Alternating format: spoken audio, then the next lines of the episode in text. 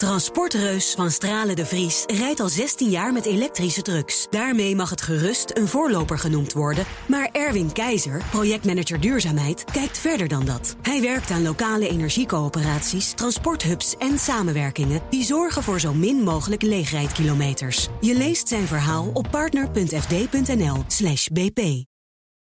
We gaan even naar Europa-verslaggever Geert-Jan Haan... oud-correspondent in Oekraïne... Uh, Geert-Jan, jij was recentelijk in Oekraïne, hebt een hoop goede bronnen. En jij ontdekte uh, van de week dat die cyberaanvallen um, via Nederlandse server liep. Um, hoe kwam dat? Wie zat erachter? Nou, een van die bankdirecteuren die schreef in het Russisch op Facebook dat er constant aanvalspogingen vanuit Nederland waren. Ja, toen ben ik dat gaan uitzoeken. Uh, om tien over elf s s'avonds uh, met de cybersecurity experts gebeld. tot drie uur s'nachts ben je dan die DDoS aanvallen aan het monitoren. Dat zijn van die destabiliserende aanvallen.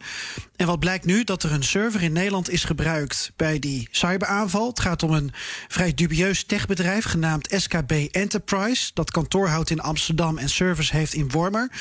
En dat laat zich dan dus inhuren en dat host die bewuste server. Eerder hebben ze ook al een extreem rechtse organisatie in Nederland gefaciliteerd, genaamd Vizier op Links. En deze Nederlandse partij heeft ook phishing sites gerund. En op verzoek van de politie is de server nu offline gehaald. En volgens cybersecurity expert Gevers is het op dit moment, met de informatie die we nu hebben, het meest logisch, allemaal voorbehouden dus, om te denken dat de aanval vanuit Rusland is aangevraagd. Ja, dat, dat klinkt apart. Je had het over een destabiliserende aanval. Dat is deze dus. Maar ook over een ontwrichtende. Wat moet ik me daarbij voorstellen? Ja, de huidige cyberaanval die is nog bezig, is al 48 uur gaande en die is destabiliserend, want het is een soort DDoS-aanval. Dus er zijn aanvallen op websites van ministeries, op websites en apps van financiële instellingen, op digitale burgerplatforms. Dus niet per se om te stelen, maar om te treiteren. Dus het levert ongemak op voor de Oekraïner.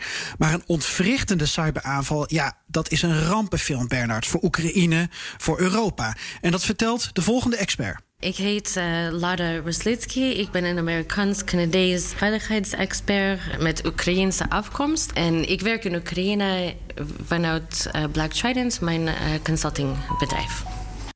Mevrouw Roslitsky heeft jarenlang in Nederland gestudeerd. Vandaar dat we het interview in het Nederlands konden doen. Ik sprak haar onlangs in Kiev.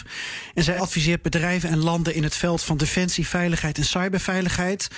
En we hadden het dus over wat als het niet bij een DDoS-aanval blijft, Bernard. Maar er sprake is van een, een frontale aanval op digitaal gebied. Met alle gevolgen van dien. En de Nederlandse ambassade in Kiev en het Nederlandse ministerie van Buitenlandse Zaken hebben daar ook voor gewaarschuwd hè, aan de Nederlanders. Het kan gebeuren. En dat denkt Lada Roslitsky ook. En dat brengt mij dus bij die slechte film. Het is eigenlijk een heel groot rampfilm. En het CIA Museum in Washington eigenlijk heeft dit uh, scenario. Een heel, heel cool, maar, maar meer voor Hollywood dan voor wat wij elke dag hier in Oekraïne in de achterkant van onze gedachten meehouden. Dus het is echt geen geld, geen water, geen stroom, geen niks geen benzine. Dus nu, in de laatste drie weken of zo. Veel mensen beginnen uh, generators te kopen, uh, dynamo-radio's, alles. Dat wordt, uh, maakt een mens meer afhankelijk van, van dat, um, main grid. Uh, ik ook. Zo shortwave radio, longwave radio, dat is alles wat veel mensen uh, hebben al. En als wij geen stroom hebben, dat betekent geen internetconnectie. Dat betekent geen uh, gesprekken. Dat betekent um, dat mensen nu zijn heel veel um, die satellite telefoons al zijn bijna uitverkocht in Kiev. Ja, communicatielijnen platleggen, dat is op dit moment misschien wel de grootste vrees van Oekraïners. Toen Rusland de Krim annexeerde, was vlak daarvoor ook een cyberaanval. Hè? Dat was DDoS, volgens mij. We hebben het nu over iets groters wat mogelijk zou zijn. En als dit scenario uitkomt, en als het dan inderdaad uit de koker van het Kremlin komt, dan kan het ook gepaard gaan met een fysieke aanval. En Oekraïne is deels afhankelijk van het Russische elektriciteitsnetwerk. Denk aan uh, uh, kerncentrales die er nog zijn, zoals Tsjernobyl, kerncentrales in het zuiden van Oekraïne. Je moet er niet aan denken dat zo'n aanval plaatsvindt, digitaal, met, met een ja, ontwrichtend effect dus, Bernard.